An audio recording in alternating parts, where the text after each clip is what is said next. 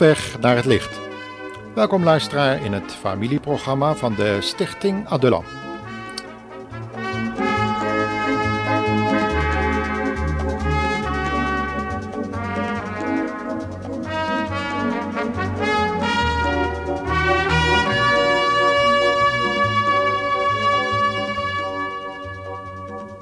Het programma wat u nu gaat beluisteren gaat over christenen die willen wandelen in het licht van Gods Woord.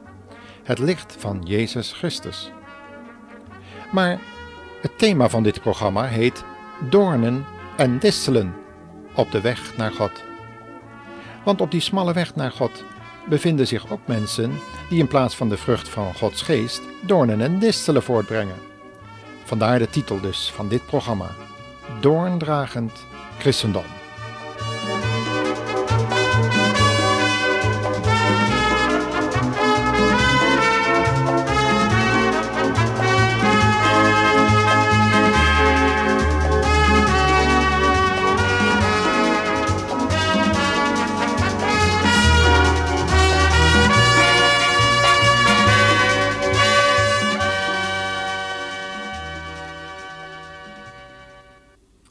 Heeft u het ook gehoord hoe mensen om u heen spreken over christelijke voorgangers die in zonde zijn gevallen? De reacties waren dikwijls heel verschillend.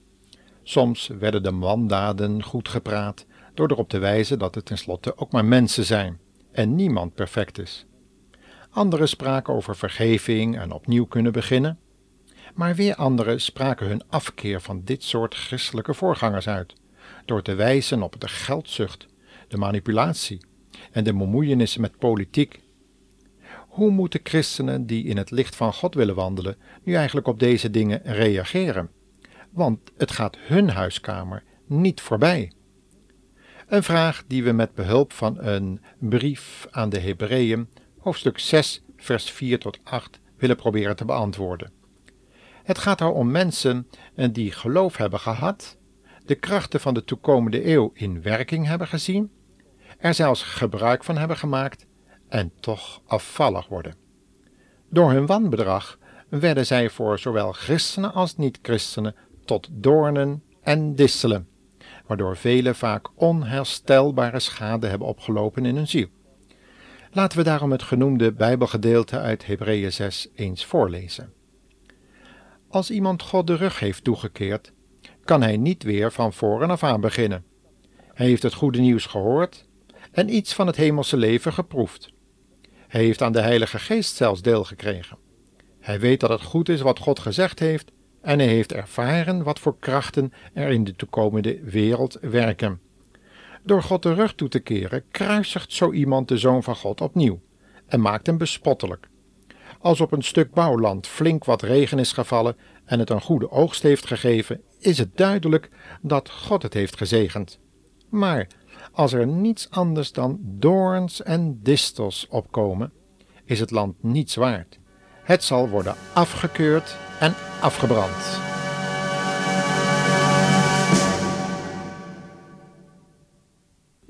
Heel wat uitleggers hebben zich met de uitleg van dit moeilijke gedeelte bezig gehouden. Welke personen bedoelt de briefschrijver hier?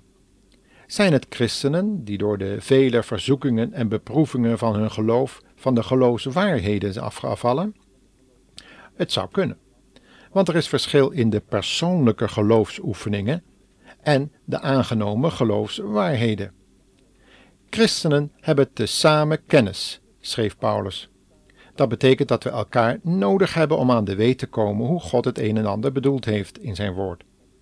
De van God aan de gemeente geschonken leraars onderwijzen ons door eventuele vragen over de geloofsleer uit te leggen door schrift met schrift te vergelijken en natuurlijk de Bijbel werkelijk als een geïnspireerd boek van God volledig te aanvaarden.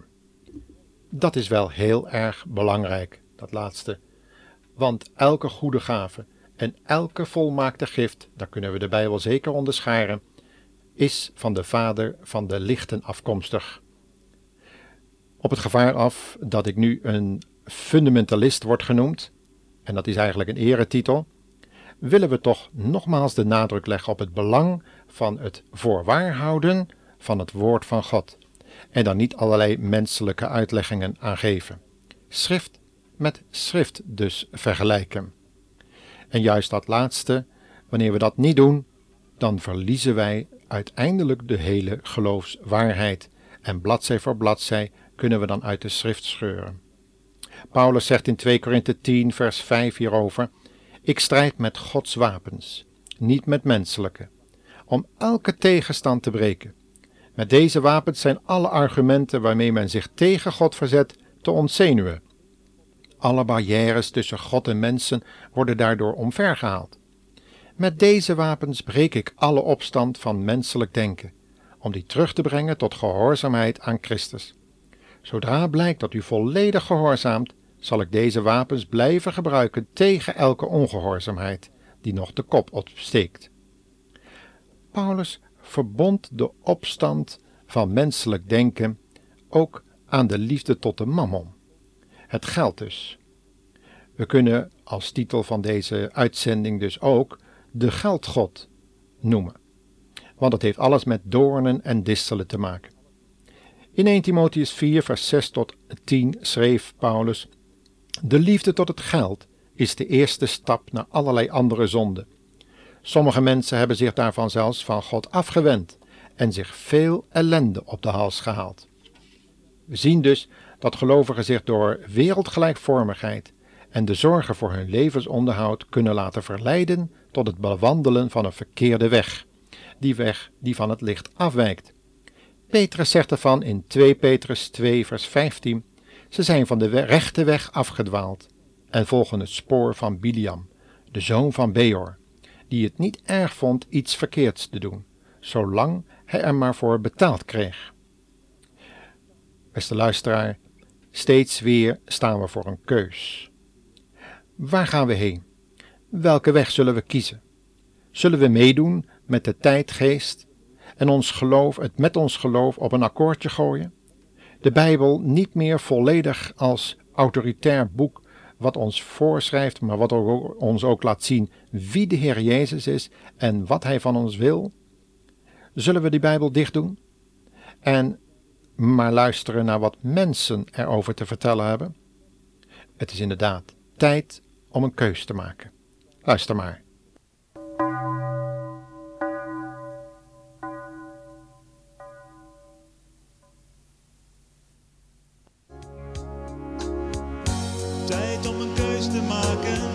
Tijd om te ontwaken, tijd om nu te kiezen. Wat heb je te verliezen? Jezus geeft je vrede, rekent af met het verleden. Hij kan je nu bevrijden en wil je leven leiden. Want zijn juk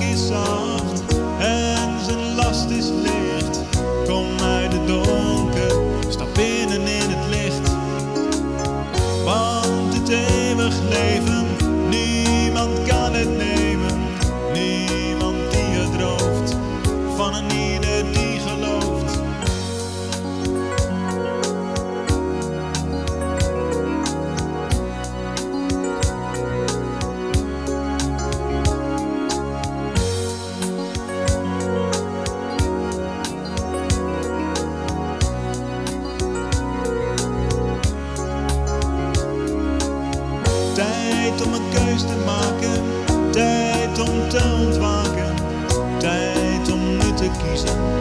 Wat heb je te verliezen?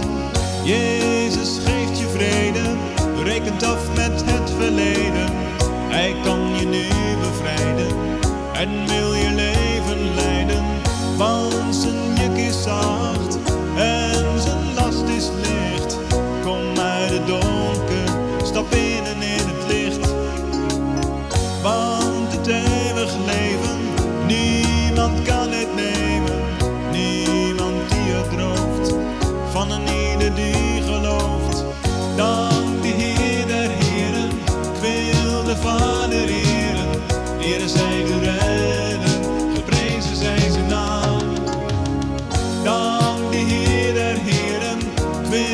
Vader eren, Heer zij de redder, geprezen zij zijn naam, geprezen zij zijn naam.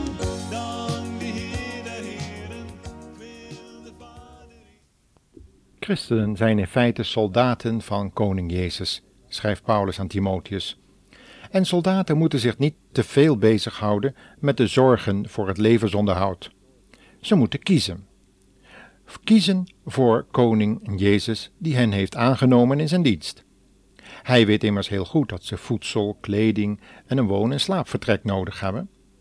Daarom zegt de apostel Paulus ook dat hij tevreden is met voedsel en kleding, waaronder ook een dak boven je hoofd valt. De belangrijkste taak van een christen is immers een goed soldaat van Jezus Christus te zijn. Een soldaat die voldoende tijd steekt in zijn opvoeding tot geestelijke weerbaarheid in de strijd tegen de zonde en de duivel. Christenen die dat niet doen, verliezen licht, kracht en persoonlijke geloofsactivisme en vuur, waardoor ze met lege handen bij Christus aankomen. Paulus zegt van dit soort christenen het volgende in 1 Korinthe 3, vers 13.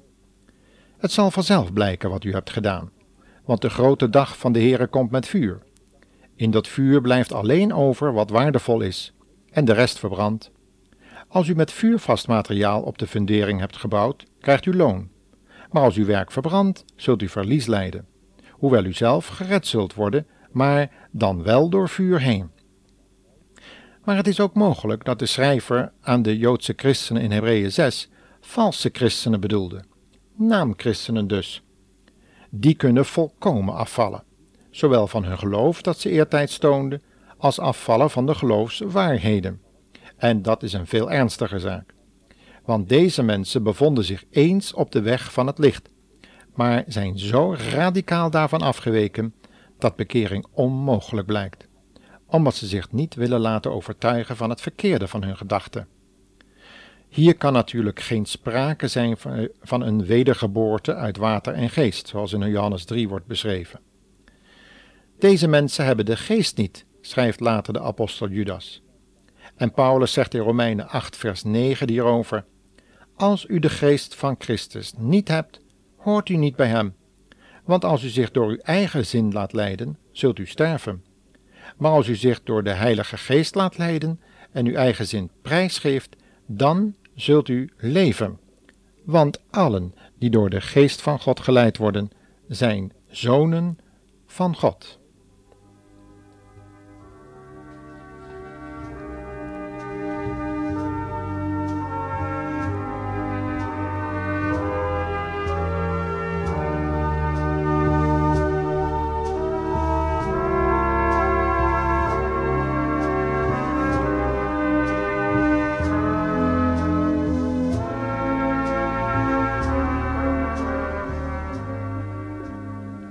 Naamchristenen zijn dus mensen die zich voorgedaan hebben als echte christenen.